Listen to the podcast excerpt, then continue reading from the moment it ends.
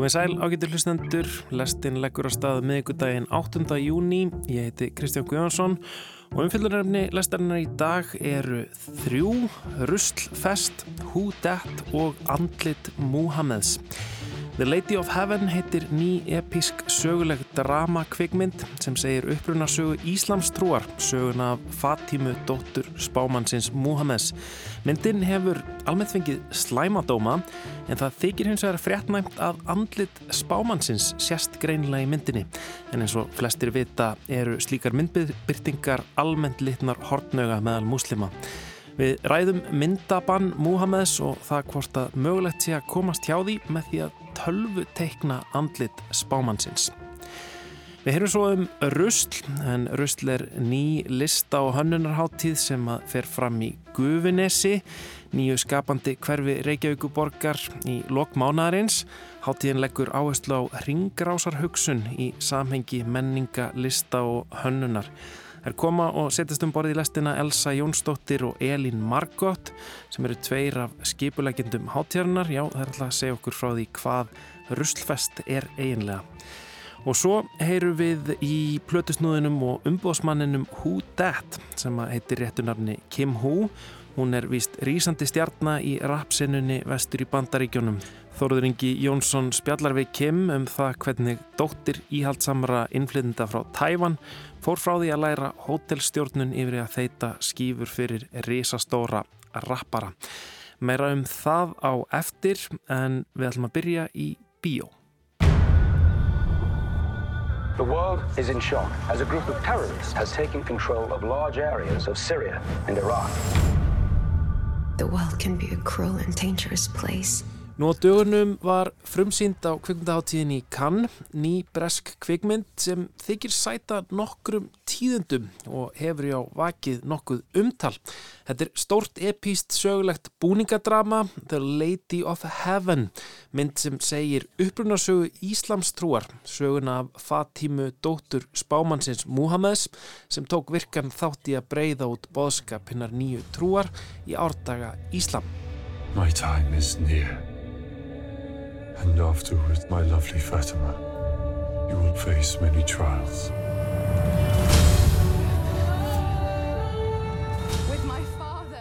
Sagan gerist reyndar á tveimur tímaplönum, annars vegar á Arabíuskaga í kringum árið 700 og svo í Írak nútímans þar sem að ílskuverk Íslamska ríkisins Ísis spila nokkra rullum. Myndin sem er eftir Sia Klerk að nafni Yasser Al-Habib hefur aðalega þó vakið aðtikli vegna þess að þar bregður sjálfum Múhameð fyrir og hvað það veri í fyrsta skipti sem að andlit spámannsins er sínt augljóslega í kveikmynd að minnstakosti mynd sem er ætlað að hampa Íslamstrú. Muhammed hefur svo sem verið persóna í bíómyndum áður í The Message frá árinu 1976 var saga spámannsins sögð en hvorki hann nýja hans nánustu sástó í mynd en þar byrtist hins vegar ýmsar aukapersonur og fylgjendur Muhammeds.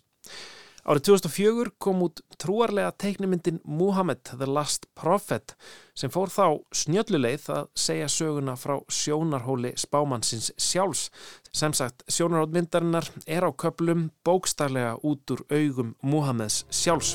And I bear witness that there is no God but Allah and you Muhammad are his messenger. Í íransku kvikmyndinni Muhammad frá árinu 2015 var svo sagan af æsku hins verðandi spámanns sögð en andlit, unga leikarans sem að leik Muhammad litla sást hins vegar aldrei. Aðstandendur hinnar nýju myndar, The Lady of Heaven, fara hins vegar óvenjulega leið til að ímynda sér andlit hins helga manns. Hinn notast ekki við andlit eða líkindi einhvers leikara, heldur er fjesið tölvugert.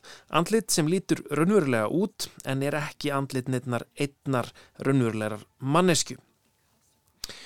Eins og við erum að búast hefur myndin vakið upp misjöfn viðbröð þannig hafa farið fram mótmæli fyrir utan nokkra síningastæði í Breitlandi undanfarnar daga og einhver kvikmyndahús þar í landi jafnvel tekið myndina úr síningum. Til þess að ræða við mig um þetta stöðu að viðkvæmnismál, Múhammes myndir í fortíð og samtíð, er komin Kjartan Orri Þórsson, aðjungt við Háskóla Íslands, kennari með Austurlandafræði og sérfræðingur í málefnum Írans.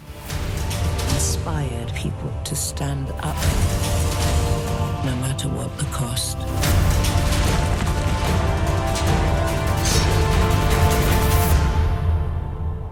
Her legacy lives on sko þetta er þetta blossa upp svona átök eh, nokkur reglulega sem varða einhvern veginn byrtingarmyndir spámannsins um, í, í Íslam. Þa, það er einhvers konar bann við því að, eh, að byrta myndir af uh, svona guðlegum verum eins og, og Múhammed Spámanni eða alla sjálfum, eða ekki, eða hvað? Já, bann og ekki bann. Uh, sko það er kannski einhverja leið sem við getum litið á sko, já, hvað það þýðir ég meina, það er náttúrulega kannski gott að byrja bara á að, að tala um kóraninn þegar við höfum að tala um þetta og það er til dæmis ekki lagt bann beint við, við hérna við því að, að Muhammed eða, eða í raun og veru alla Guð sjálfur sé, sé síndur á einhvern hátt en, en, en aftur á móti hefur svona kannski hefðin verið í gennum tíðina að, að, að það sé ekki ákjásanlegt að, sína myndir uh, af Muhammed og kannski svona veist hugmyndirnar að því eru kannski um, fyrst og fremst virðing þar að segja að bera virðingu fyrir spámanunum til dæmis og þá til dæmis það að ætla að sína hann á einhvern hátt með með ofullkonum mannlegum höndum og, og, og, og máling og pensli einhvern veginn að það sé bara vanvirðing í raun og veru við, við, við Guð og, og, og, og Múhameð þá mm -hmm.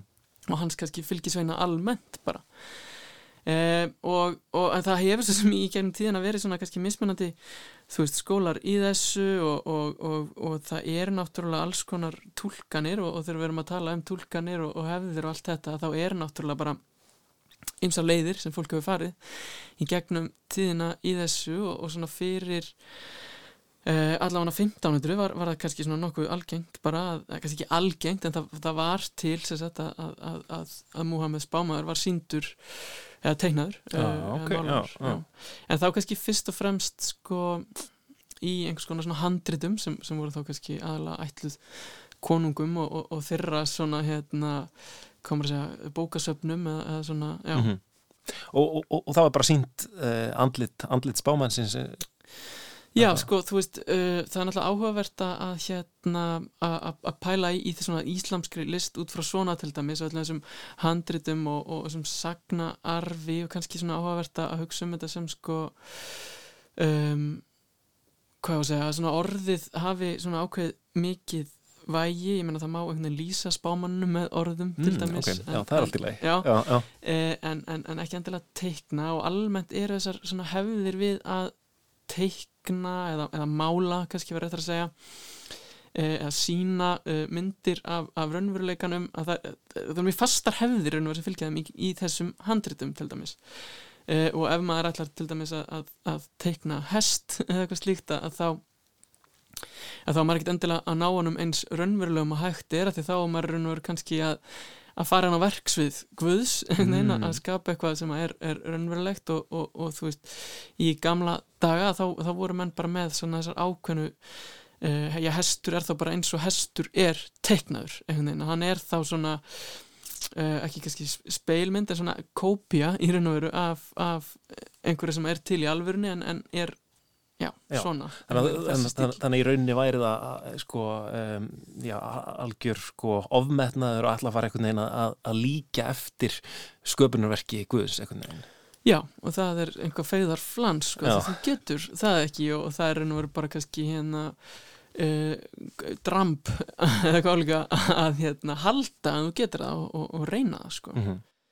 En og, og, og sko, kannski einmitt uh, þess vegna sko uh, út, af, út, út af því þá, þá eins og að koma inn í Moskvu eða eitthvað svolítið þá mm -hmm. hérna þá er, er náttúrulega fyrst og fremst eru það bara þessi, þessi íslamska list sem er einhvern veginn svona þessi, þessi munstur, einhver symmetrísk munstur og starffræðilegar hérna, einhvern veginn ótrúlega uh, svona, uh, með, með mörgum hérna, smáatriðum hérna, eh, og, og, og, og svo, svo svona einhver svona skrautskrift sko, veginn Já, að- það er kannski svona helst þar sem að, um, að eins og þú segir kannski með orðið að, að orðið er svolítið kannski frekar nota til þess að sína um, annarkvort Guð eða, eða Múhamed eða svona hans já, eftirmenn Ali eða, eða Fatime eða, eða hve- hvern sem er sko.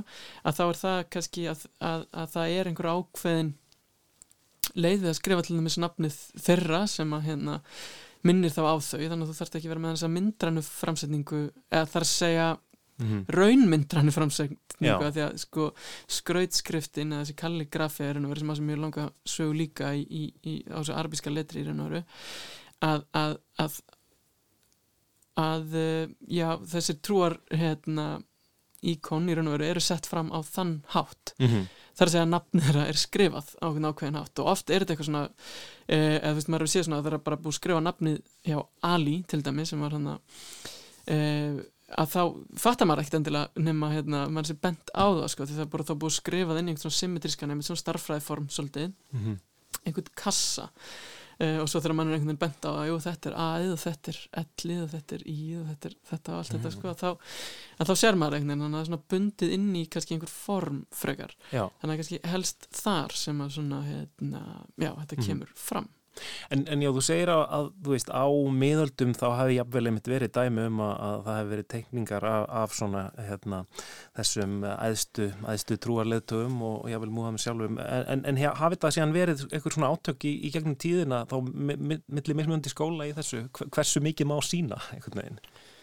Já, sko það er kannski ekki gaglegt að horfa á miðaldir með nútíma glerum einhvern veginn og, og þó að einhver mynd verði til af Múhammed Spámanni sem er geimd og einhverjum kjallara uh, hjá einhverjum konungi sem langar til þess að sjá hann að þá hefur það náttúrulega engin áhrif á heiminn einhvern veginn. Og aðra annað fólk sem trúir einhverju öðru eða hvernig sem það er einhvern veginn. Uh, og núna erum við bara að tala um allt annað konsept sem er, þú veist, þú veist að setja þetta í kvikmynd til dæmi sem er svo bara í raun og veru hægt að nálgast eh, hvar sem er í heiminum hvena sem er, í raun og veru í gegnum nettengingu eða eitthvað slíkt. Uh, og ég held þess að sé bara að googla þessa mynd sem á að byrtast þannig af, af, af Muhammed Spámanni í raun og veru uh, ef maður vill það að segja. Þannig að sko veist, vatnið gárast allt öðruvísi í dag en, en eins og þá sko, þannig að ég held að sé kannski ekki tækt að horfa á, á á þetta sem eitthvað átök í kringum það þó sem svona mismunandi skólar í, í, í hérna, hvernig það má vera og, og, og allt svoleið sko. En svo er náttúrulega bara er nú veru sko ekki bara svona tæknilegt samhengi nútímans annað en að vara á miðöldum heldur líka bara pólitíst og uh, samhengið er allt, allt annað. Og þá eru náttúrulega bara kannski að horfa á svona það sem hefur almennt verið að gerast kannski svona á, á Vesturlöndum og, og þetta kemur upp bara hvað, hvað það, tíu ára fresti að, hérna, að það koma upp einhvers konar svona hérna, já kannski fimm ára fresti uh, einhvers konar, já einhver á Vesturlöndum vill hérna nýta tjáningar frelsi sitt er yfirleitt svona hérna eh, hvernig þessu pakkað inn einhvern veginn til þess að sína Múhameð spáman einhvern veginn. Mhm. Uh, og kannski ekki einmitt hort á, á, á samingi sem er, þú veist, uh, já, ég menna ok, það er einhver franskur í Fraklandi sem ætlar að gera það en, en, en hver eru tenging Frakka og, og, og, og, og Frakland uh, við þá sem að trúa eða eru Íslams trúar í Mhm. raun og veru og, og hver, hvert er samhengi þar einhvern veginn og þá erum við alltaf bara að tala um sko já, bara blóði drefin samskipti í raun og veru það sem að við erum að tala um líka svona eitthvað hugmyndir um æðri menningu og allt þetta og, og, og svona verið að breyða út Mhm. hinn rétta bóðskap Evrópu og, og allt þetta sko að, að hvort það sé þá þeirra frakka að, vera að sína Múhammed Spáman um, En, en, en um, þessi mynd hérna The Mhm. Lady uh, of the Heaven hún er, hún er um, í rauninni handritið er, er samið af þarna einhverjum trúarleituga um, Já. þannig, þannig, þannig að þetta er nú já, þetta er sjálfsmeðvituð múslimsk mynd sko veginn uh, sem, sem á, á að uh, hampa, hampa trú- trúnni og trúabröðunum uh, já, en maður þarf í raun og veru ekki að googla mikið til þess að koma staði svona hvaðan þessi maður er að koma í raun og veru sem skrifar þessa mynd, hann heitir Yassel Al-Habib og er frá Kuveit og fættur 1979 og er er yfir uh, einhvers konar uh, batteríi í, í, í Breitlandi sem heitir The Matty Servants Union. Og, og hann er sko það sem að þeir kalla á kúveit stjórnmálakvarðan öfga hægrimæður Já, um, og uh, og hann er uh, síja muslimi og hann er um, já, svona tólfunga síja muslimi eins og stjórnvöld í Íran til dæmis en hann er mjög á móti stjórnvöldum í Íran, Íran öru uh, og, og þau hafa svona ítrekkast kannski sagaðanum að, að hérna stjórnvöld í Íran þarf að segja um að reyna að skapa einhvers konar óeiningu á milli sunni muslima og síja muslima aha, ok. Og það er kannski áhugavert í sko, þess að við tölum um Íran og ég svo sem er bakgrunn úr, úr því eh, að, að hérna að, að til dæmis íslamska líðveldið byggir svolítið sinn hugmyndafræðilega grundvöld á svipar sögu í, í raun og veru og, og, og, er að, sagt, bara á sama minni sem er hérna þessi aðskilnaður á milli sunni og síja sem ásist stað þarna um, kringum 700 eða eitthvað líka. Um, þar sem að uh, síja múslimar og sunni múslimar er raun og veru ósamála því hver á að taka við af Múhameð spámanni uh, og, og já, er einhver átök þarna sem að hérna, uh, Hassan og Hossein sem voru bræður uh, áttu, annar er átt að taka við eru myrtir í eðmörkinni einhvern veginn. Og þetta það til dæmis að sirkja þá er, er ennþá gert í raun og veru, er enn að trúar hátíðunum í Íran til dæmis en síja Íslam það er að sirkja þennan dauða og var til dæmis bara svona eitthvað eitt af því sem var nota þessi trúarháttið, þessi sorg og þessi svona, sem verður svo að einhverju svona ákveðnum martyrkultúr getum Já. kallað það sem er eitthvað sem að íranska, líð, íslamska líðveldið í Íran hefur byggt sitt kerfi á í raun og veru, þar að segja ef við kíkjum aðeins á íranska sögu veginn að, þeir eru þannig að upplifa sig einan á móti heiminum einhvern veginn eftir byltingu þannig að 79 þar sem allir eru á móti þeim. Írak ræðstinn þannig að 80 og allir eru einhvern veginn á móti þeim líka þar að segja írönum og þá er farið að keira upp þessar myndir til dæmis af, af, af, af þeim hérna, Hassan og Hossein og, og líka Fatimirinn voru notur líka uh, og, og allt þetta sko til þess að hvetja fólk til þess að hérna, berjast gegn Mhm. óréttlætinu Og verða píslarvottar veginn. móti þá Já. kannski hérna su- sunjónum líka sko, þá ertu kannski komið þessar pælingar líka en svona í dag er kannski, þú veist, það er miklu meiri hérna, kannski retorik fyrir því að múslimar séu saminaðir í raun og veru gagvart þá Mhm. uh, ég veit ekki hvaða retorikum að fara í imperialistunum eða Já. vesturlöndum eða, eða, eða þeim sem eru á móti þeim sko. En, en allir múslimar eigi einhvern veginn að standa saman saman hvort þessi sína sko. sunni eða síja sko. En, en, en þessi, þessi hérna um, þessi kúveitski e, klerkur þarna um, hann, hann er eh, hann, hann vill bara hérna búa til óeiningu milli sunni og síja Já, það virðist vera sko, hann Mm. sé svolítið í því sko, Mm. svona hérna óeiningar og þá, þá, og þá virðist hérna uh, já, andlit Múhameðs vera svona uh, gott tæki til þess að, að, hérna um, kljúfa, kljúfa fólk í tvent já, Já. Uh, algjörlega sko og, en samt einhvern veginn og það sem er kannski áhvert líka í þessu er með einhvers konar svona legitimasjón íslamskir legitimasjón í raun og af því að hann er kannski í svona forsvari fyrir þetta. Þó að ég sá nú ekki þessa mynd en, en ég var að lesa dóminn til dæmis og, og það er einhver sem gaggrinn til dæmis fyrir að vera með svona cockney hreim. Bara breskur. Já, bara breskur breskur hreimur, já. hreimur, já. Þannig að þú veist, en, en auðvitað gefur hann þessu einhvers konar svona hérna, uh, hvað maður að segja blæ af einhvers konar svona hérna, samþyggi eða eitthvað Mhm. líka en, en það er ekkit endalega sem hann getur tekið sér mm Mhm. eða ætti að taka sér mm neitt, og, og þess vegna kannski er að blossa upp einhver mótmæli að því að þú veist, þetta virðist vera almennt stef á Vesturlöndum að, einhver uh, Breitlandi, Danmörku, Fraklandi bara einhverstaðar telji sig uh, meiga, eiga og, og geta sínt Múhammed Spáman Mm á mjög vettvangis, alveg sama hvað hver segir við því Já, einmitt. En, en, en, en þessi, þessi hérna, handriðstöfundur hlýtur, hlýtur einhvern veginn að- og, og, og þeir sem gera þessa mynd með hljóta e, að telja sig vera að- um, gera þetta í takt, takt við rétt að trú uh, með þessum, þessum nýju tæknilegu aðferðum að, nota tölvu, tölvugert andlit Já. svona, já, frum, frumlega lausna þessu, þessu máli. í raun og veru, já mjög nútímalegt sko. en, en já, ég veit ekki, þetta er samt einhvers konar svona myndbyrting náttúrulega af, Mhm. af, af Mohamed Spámanni sko. og þú veist, það er náttúrulega líka bara kannski, þú veist, áhugavert að hugsa þú veist, Íslam almennt ég menna, við byrjum að tala kannski aðeins um kóranin, að þú veist, kóranin sem slíkur er á arabísku og verður alltaf á arabísku einhvern veginn af því að það er orð Guðs kom þangað þannig að þú veist kannski með aðeins uh, öðruvísi samband við orð Guðs veginn og þetta að, að, að túlkanir og, og hérna koma að segja endur segja hlutina sé kannski litið Mhm. aðeins alvarlegri augum heldur en til dæmis í kristni veginn af því að þú ert með þetta or, original tungumál veginn sem að er orð Guðs Mhm. í raun og veru Einmitt. þannig að, þú veist, að það að, að svona eitthvað að vera að tólka eitthvað annarkvæmst ekki ennum þýðingu þetta er líka svona stór, stór pælingar í Íslam í þýðingu og, og svo líka í, veist að tólka veist orðin þá í mynd, myndum veginn, hvernig maður á að lýsa Mohamed Spáman er kannski bara aðeins svona já, Mhm. viðkamara mál heldur en Mhm. hérna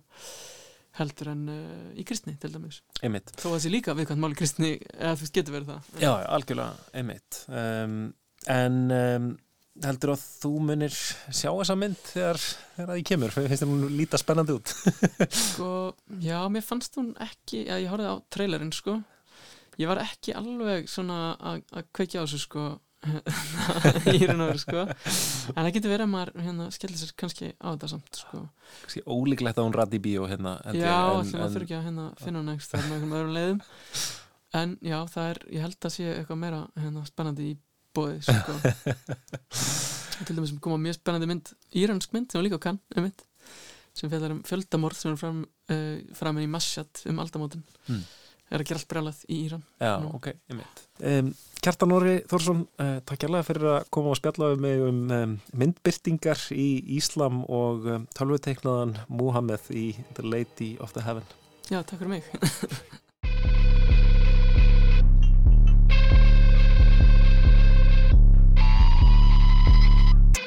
Kim Hu er eitt helsti plötusnúðurinn í rapsenu Los Angeles borgar og víðar um þessar myndir.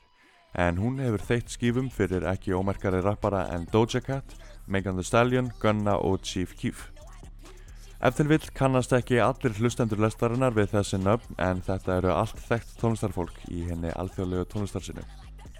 Kim, sem kemur fram undir nafninu Who Dat, er líka umsöfa mikil í tónlistarbransanum almennt og er umbóðskona spennandi rappara í neðgjörðarsönunni.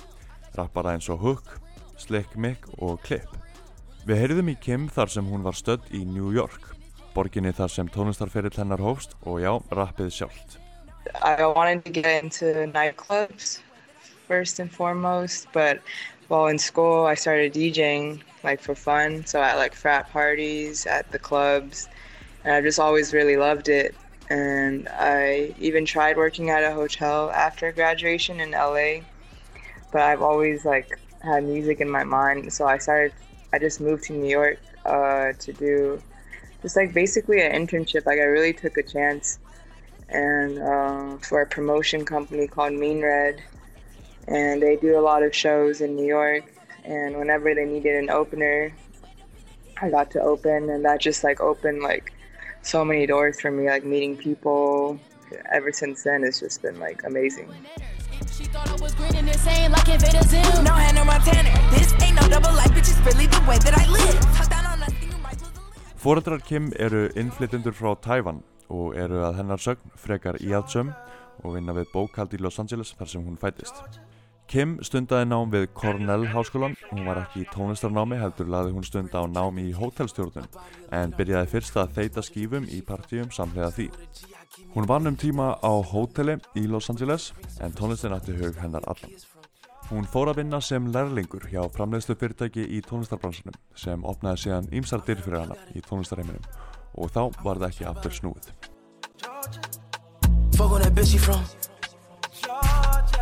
Fuck New York er fæðingarstaður rapsins en á setni árum hafa Söðuríkin smám saman tekið við sem aðal staðurinn fyrir þessa tónlist sem setur nú svo mikinn svip á dægur tónlist hér vestram og reyndar um allan heim.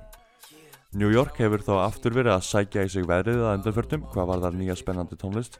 Að sög Kim hefur New York alltaf verið með puttan á púlsunum þar sé að finna einhverja óskilgreinda orku sem til þarf Hún vísar í rappara frá New York eins og Bobby Smurda, Rowdy Rebel, Five Yo Foreign og fleiri en hinn svo kallaða drillsena er nú það heitasta New York þó hún hafi byrjað í Chicago á sínum tíma.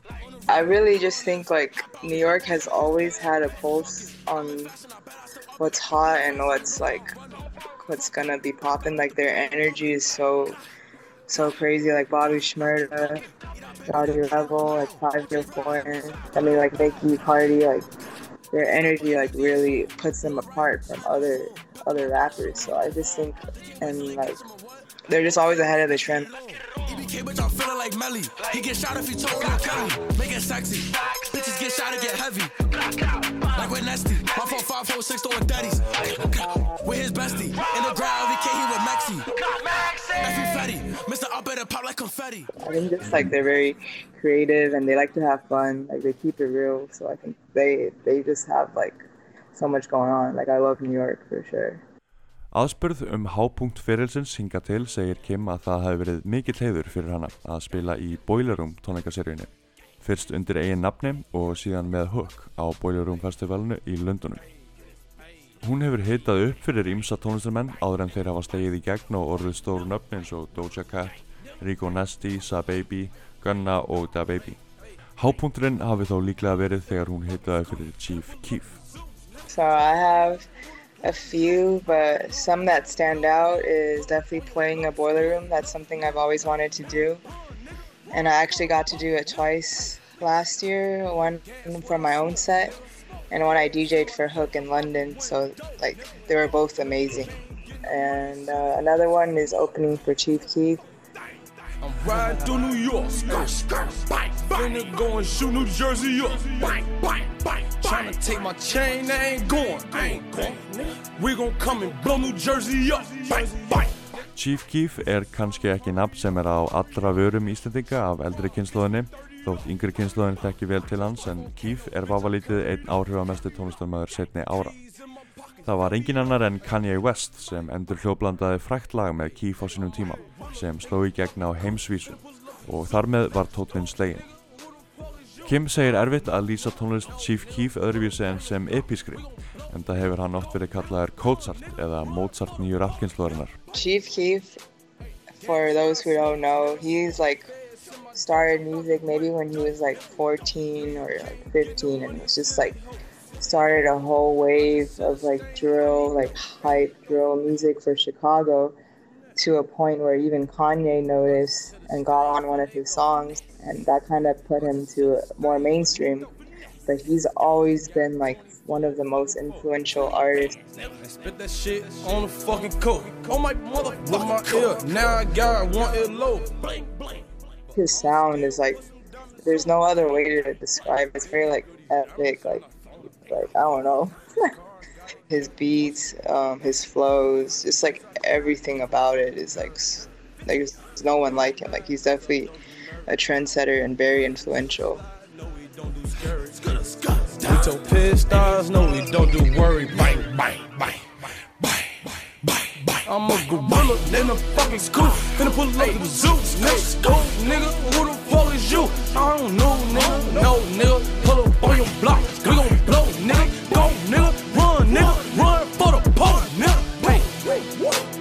Gas what I smoke, nigga. Feds in my dough, jump out the window, nigga. No, you can't get no money, silly hoe. You silly hoe, you go. I just hit a stain, finito. Hey. Í augnablikinu er Kim umbi fyrir nokkrar tónlistarkonur. Einn þeirra er Clip frá New York sem hún segir magnaða listakonu sem allar stelpur dyrki. Heyrum smá tóndæmi frá Clip.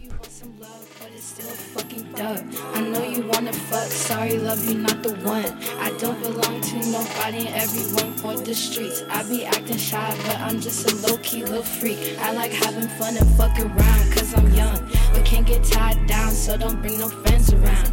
If you act up I'll cut you off just like that. Leave you in the dust and I won't be looking back. I'm not me, I'm just real and you then maybe you can handle it But I don't got no time to waste and I don't need new friends Me, myself and I with my demons in my head Kim er einnig að vinna með Slick Mick sem er jáfnframt unnusta hennar og vinnur nú að fyrstu plötu sinni. Síðan er það Hook frá Riverside í Kaliforníu en Hook er hvorki meirinni minna einn heitasti rapparinn í neðanjörðarsinnunni hér vestra. So currently I'm working with her name's Clip from New York. Her Instagram is Bloody Clip and she's been amazing. Like she's a great person and her music is like hidden with like a lot of like cute girls like it. So she has a good fan base. It's going really well. She's uh, becoming to be a really great, great performer. So she's doing a lot of live shows. And then this other girl named Hook, who you have a couple songs with. she's also she's from Riverside. Also very original, one of a kind. I think a lot of people also look up to her. Like a lot of girl artists say they love Hook, so she's definitely up there. And then of course I work with uh, my girlfriend Slick Mick, and she's we're just about to drop her debut EP.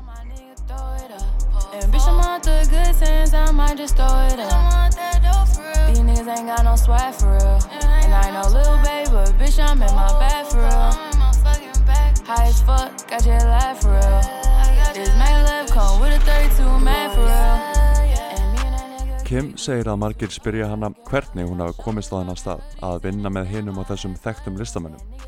Hún segir að maður verði einfallega að trúa á listina og byggja sambönd með hæfileikaríku fólki snemma. Hvað var þar heilræði til ungra listamanna þá segir hún að vinnan sjálf sé stóra málið. Hér sé ekki í bóði að stýta sér leið. Maður verður einfallega að spýta í og halda áfram að móka. A lot of people ask me like, oh, like how do I DJ for this person? It's like you really have to find and build the relationship early, build their trust, build the relationship, and that's how I started managing and DJing for artists. And I guess for the artist side, I would just really say like just hard work is like I think is most important. Like really just making music every day, working on your social media presence, TikToks. You have to really get in the booth.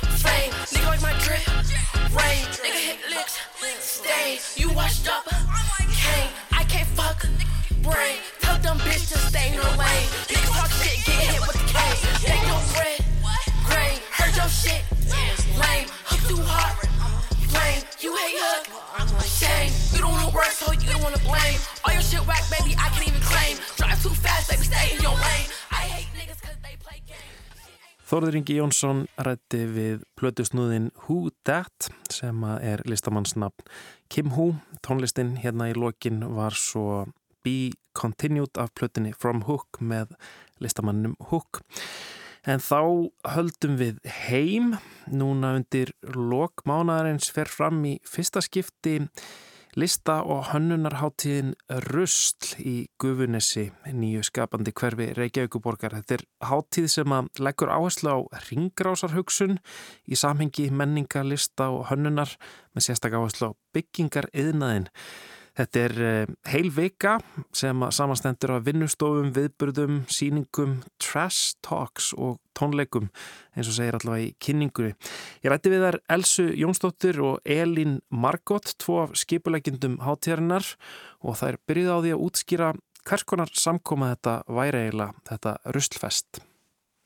Þetta er rauninu bara, við erum búin að vera að reyka stúdíu þarna núna í um ára bil og þetta er eitthvað svona svona uppskýraháttíð sem að snýst svolítið í kringum þessar vinnustofur. Það verða þessast fimm vinnustofur sem fólk getur keitt sem miða í og tekið þátt í og svo er rauninni, þetta er bara full dagskrá allan daginn. Þannig að þú velur vinnustofu til að fara í, svo er, hátíðismatur og kvöldmatur fyrir alla, það eru fyrirlestrar og viðbyrðar á hverju kvöldi sem endar svo með hennar buksur reyfi nummer tvö á lögadeginum. Mm -hmm. það er svona kjarnin eiginlega Einmitt, þannig, þannig að, þannig að fólk, fólk sem að vil taka þátt í þessu, það, það skráir sér þessar vinnustofur, og, en þær eru allar einhvern veginn svona uh, einblýna á einhvern veginn hvað, rusl og sjálfbærtni, eitthvað. Já, við erum uh, bjóðum svona fimm vinnustofur og sem er í fimm svona musminandi um, hönnuna, uh, kannu segja, fyllt. Svo við erum með ett vinnustofur sem er með fókus á arkitektur, svo nota svona afgangar af byggingu og hvað við getum gert með og reyna að kenna fólki eitthvað svona, uh, kannski ekki takni, svona methodology að við erum með svona efni, hvað við getum gert með. Og erum með uh, vinnustofur um matarsóin og sama hér bara reyna að vita hvaða matarsóin við erum með oft heima eða með fyrirtæki og hvað við getum gert með. og kenna fólki svona cooking methods til að um, bjarga mat og líka til að segja um, ekki enda mat en kannski reyna að gera kompost eða reyna að gera eitthvað uh, valuable. Já, já, já mitt, úr, mitt, nýta matinn í eitthvað annað úr afgangar.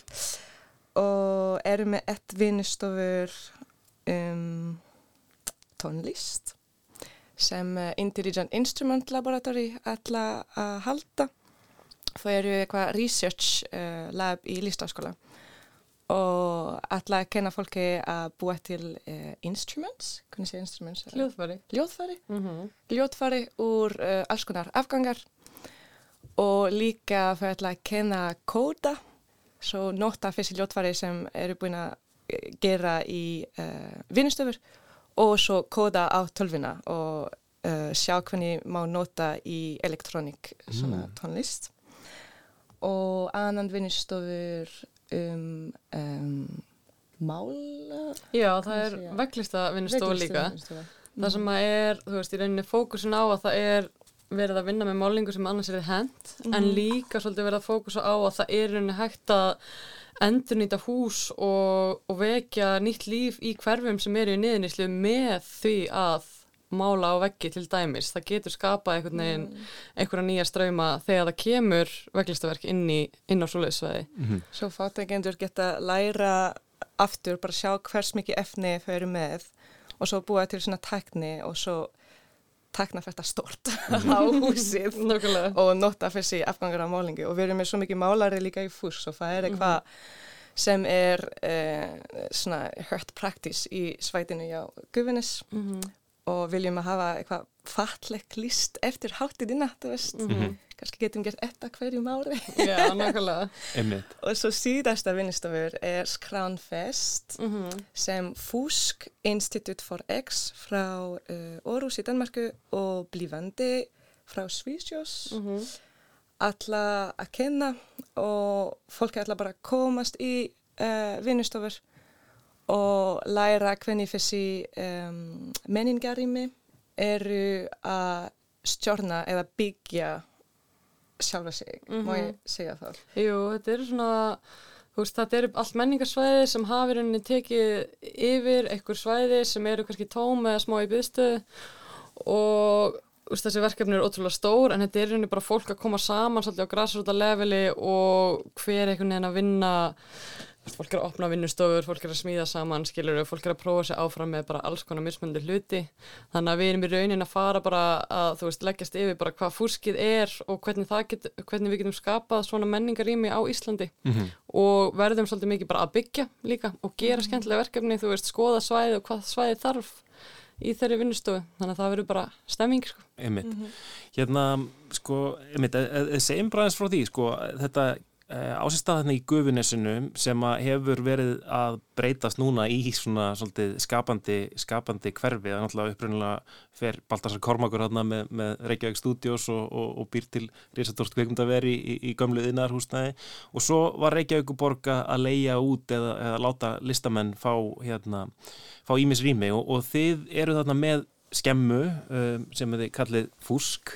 Hérna er búin að vera þar í hvað, eitt og hálft ári eða eitthvað svo leiðis mm -hmm. um, hlustundur lestarina kannast kannski við það við, við höfum heims, heimsóttið það uh, þegar þetta var svona alveg í starttólunum en, en þið kannski bara segið sko frá fúskinu og, og kannski hverfinu almennt, þú veist hva, hva, hvað er í gangi uh, þar nákvæmlega núna þetta er, Reykjavíkuborg útnefndi þetta sem hverfi skapandi greina og þú veist, þá er í rauninni alls konar öll að koma þar inn og það er núna verið að fókusera mikið á kvikmynda innan og Reykjavík Studios er komin að það með nokkur húsnæði og við erum svolítið, erum aðna uh, í rauninni að að íta undir grassróta uppbyggingu á svæðinu. Þannig að við erum svolítið að koma á móti veist, það eru aðna svolítið stór fyrirtæki sem eru með alls konar góðastar sem í gangi en við erum í rauninni uh, að hýsa alla þá sem að eru, þú veist, hafa ekki stert fjárslegt bakland, þannig að fólk er, þú veist, að vinna í minni stúdíóeiningum, þau eru að gera alls konar tilrunakendverkefni og þú veist, við höfum sjálf verið einhvern veginn að reyna bara að breyta og bæta að hafa áhrif á þessu svæði meðan það er í uppbyggingu og þú veist, láta heyri í okkur af því að það er fullt af fólki sem að er í þessum skapandi innan vantarplási eða viltakaplási eða viltaka þátt líka bara í borgarleiri uppbyggingu og við erum svolítið svona bara að stuðla að því þannig að þetta er einhvern veginn, þetta er ótrúlega lifandi verkefni og lifandi afl einhvern veginn sem er bara svona að þú veist, rærast þarna með veist, þessum svona starri fiskum og í samstarfi við borgina og einhvern veginn, bara mhm. svona á frum stegum hverfusins. Einmitt. Og þetta í rauninni byrjuðu, hérna, um, þið voru tvöð þannig í byrjun, þú, þú og, og Björnlóki, þið eh, Krónt og Krass eh, kallið ykkur, en, en þetta er orðið svona stærri hópur í, í kringum fúskið, eða ekki núna? Í rauninni bara orðið, orðið eitthvað svona kollektív? Jú, þetta er orðið ótrúlega stórt samfélag sko og bara þú veist fullt, fullt af skemmtilegum verkunum að koma inn mm. og við erum núna í rauninni einmitt bara, þú veist, ef við segjum líka bara eins frá Ruslfest þá, þú veist, erum við að vinna það núna með Elínu sem stopnaði þetta, þetta þessa háti í fyrra og kannski þú vilt segja eins frá Svona háti í fyrra? Já, og bara hvernig við byrjum að vinna núna. Jú, svo við byrjum, við gerðum eitthvað lítil háti í fyrra sem uh, heitar svona Trash Fest á ennsku og það, það komst bara með lítil hugminn ég, ég og vinkunum mín voru að spá að búa til svona kvöldmætur og svona matafgangar og svo fæði mikið fólki sem heyrið um þetta og verið að koma bara hei, þetta er mjög aðgefart verkefni, má ég koma? Og sína fólki hvernig ég er að gera uh, þú veist uh, hvernig ég segja svona veski úr uh, mjölkkartun Já, mjölkuferðnum Mjölkuferðnum og svo fólki sem bara, ó já, ég er að gera tónlist með svona efni sem ég er búin að finna í ruslötuna, má ég koma að gera eitthvað lítill koncert og svo allt í einu það byrjaði að gera þessi little community uh, úr bara að nota uh, rusl til að skapa eitthvað. Tónlist, uh, vörur, mat bara hvað sem er. Og svo við endarum með svona tvo daga hátitt uh, með fullt af svona vinnustofur á deginum. Svo fyrirlistara líka uh, til að sína fólki sem eru búin að uh, búa til verkefni eða fyrirtæki í þessi ringrasár hugsun. Og, og svo, var svo mikið stemning og svo mikið fólki með hauga en bara með ekkert plást til að sína þetta eða með ekkert plást til að koma saman og sína hvað þau eru skapandi og hvað þau eru líka að breyna til að breyta heiminn með og, og gera eitthvað sem er sustainable og svona gott fyrir umhverfi. Svo komst til fúsk og það við þau eru líka bara út af þau eru að nota þessi bygging sem er sem mjög margir held það er rusl og þau eru bara að gefa nýtt líf veist, af þessum byggingum, á þessum hverfi líka. Bara að koma með skapandi fólki að, að gera svona viðbyrðir, að gera líst, að gera þú veist hvað sem er að gera sánu, við erum að gera sánu núna mm. við erum að gefa svona nýtt líf á fyrstibygging fyrsti uh, umhverfi sem er hvað ruslfest er, er bara, það er ekkert rusl, það er bara hvað þú ert að gera með og við erum skapandi fólki, við getum gert svo mikið mm. með rusl og svo það var svo mikið sens að hafa háttið með fúsk með allir sem er í gufinni sig, allir líka Reykjavík studio eru að, að gefa svona nýtt líf til byggingu, allir hér eru að gera þetta, bara svona reuse. Mm -hmm. og mér er svo mikið sens að gera háttið fatna. Og líka mér finnst þessi hverfi vantar líf, það er alltaf að hafa fólki að búa fatna og þú getur ekki bara byggja eitthvað hús og það er ekkert, ekkert búð, ekkert veitikastað, ekkert svona skemmti staður, ekkert til að gera svona neighborhood life mm -hmm. til að gera eitthvað næst til að koma saman og hitta og svo það er líka sem við erum að, að gera með þessi hátir sem líka fólk er búin að gera mjög mikið að halda mjög mikið viðbörðir fatna.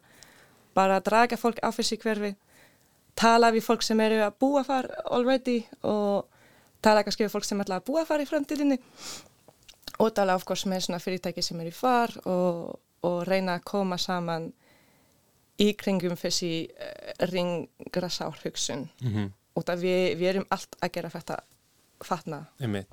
Þetta er svolítið hérna, fallegt, já, eins og þú segir þá náttúrulega eru þessar byggingar sem að, sem að, sem að fúsk og, og, og aðrir á sveðinu eru náttúrulega, þetta eru byggingar sem eru einmitt hafa verið kannski álitnar bara úr sér gengnar og, og rusl og gagslaust einhvern veginn en svo er búið að búið til nýtt lífi en þetta er, hlýtur að vera eitthvað sem, að, sem við bara svona almennt í samtímanum þetta að við þurfum eiginlega að fara að líta á rusl, einmitt ekki sem eitthvað sem að á að fara í burtu heldur eitthvað Mhm. sem að við, við, við nýtum og, og í rauninni bara e, hugsa alltaf um hérna, ég veit ekki hvort þið hafið séð hérna, myndbandi af slá í síseg einhver staðar á, á, á ruslahaugum einhver staðar, það sem Mhm. hann er að tala um að við verðum að læra í rauninni að elska ruslið sko.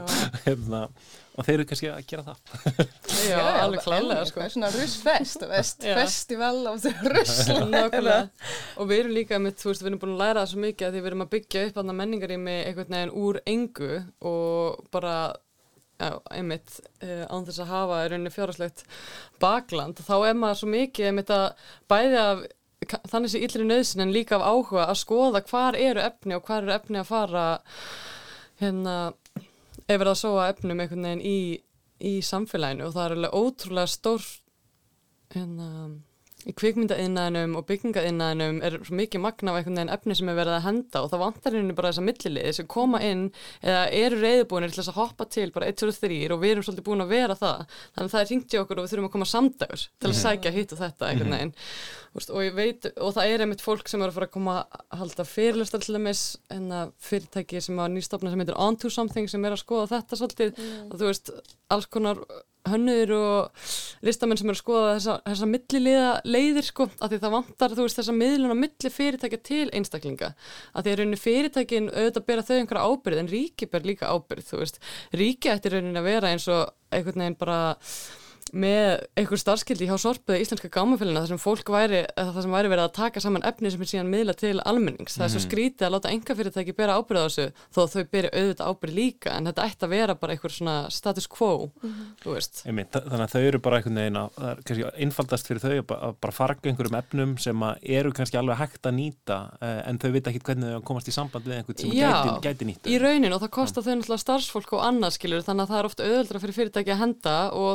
er kannski ekki til eitthvað almennlegt mótel eða einhvern veginn styrkir frá ríkinu eða, eða eitthvað álíka til þess að fylgja þessu eftir, þú veist, þannig að það vantar bara svolítið inn í umræðina að þú veist það sé verið að þrýsta á, á fyrirtæki úr öllum áttum og veita þeim náttúrulega aðstóð og Mhm. leiðir til þess að gera þessu hluti. Og það er svona pointið af hátirina, er bara að upplifta uh, manneskja sem eru ennfá að gera þetta, að endur nýta efni eins og on to something um, og hafa vinnustofur til að kenna, til að sína hvernig við getum gert það og svona vonandi fólki má fara eftir hátirina með þessi svona knowledge og búa til svona nýtt hugminn og nýtt samfélag til að gera þetta og bara til að sína sem mm Mhm. rusla gull og Já, nokkulega.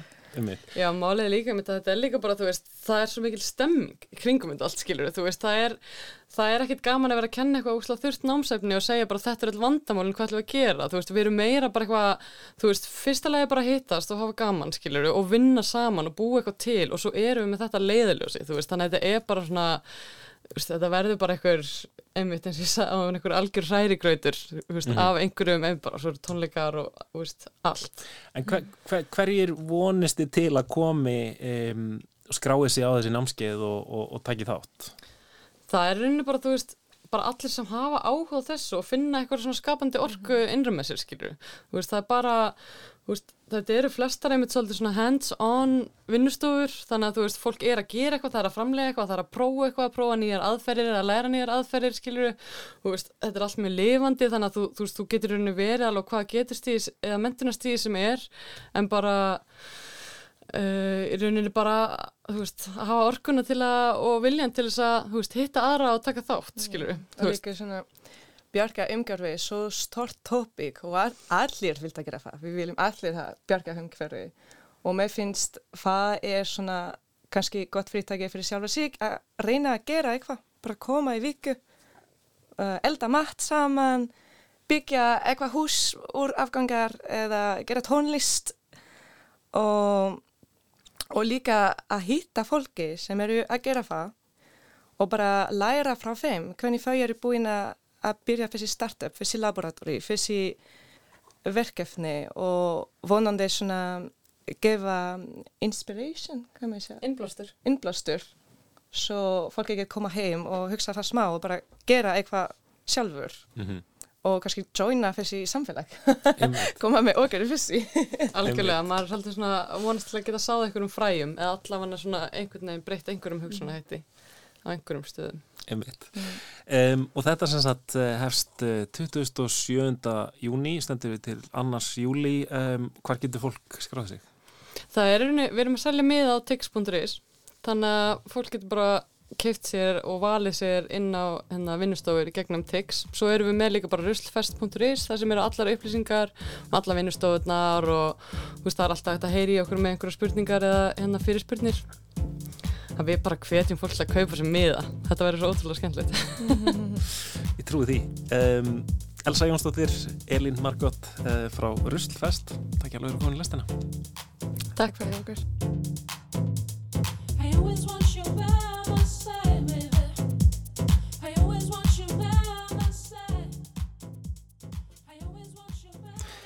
Við endum lestina í dag á hollensku ráftónlistakonunni Steffi, lægið Yours frá árinu 2011 sem að hún flyttur á samt Virginíu.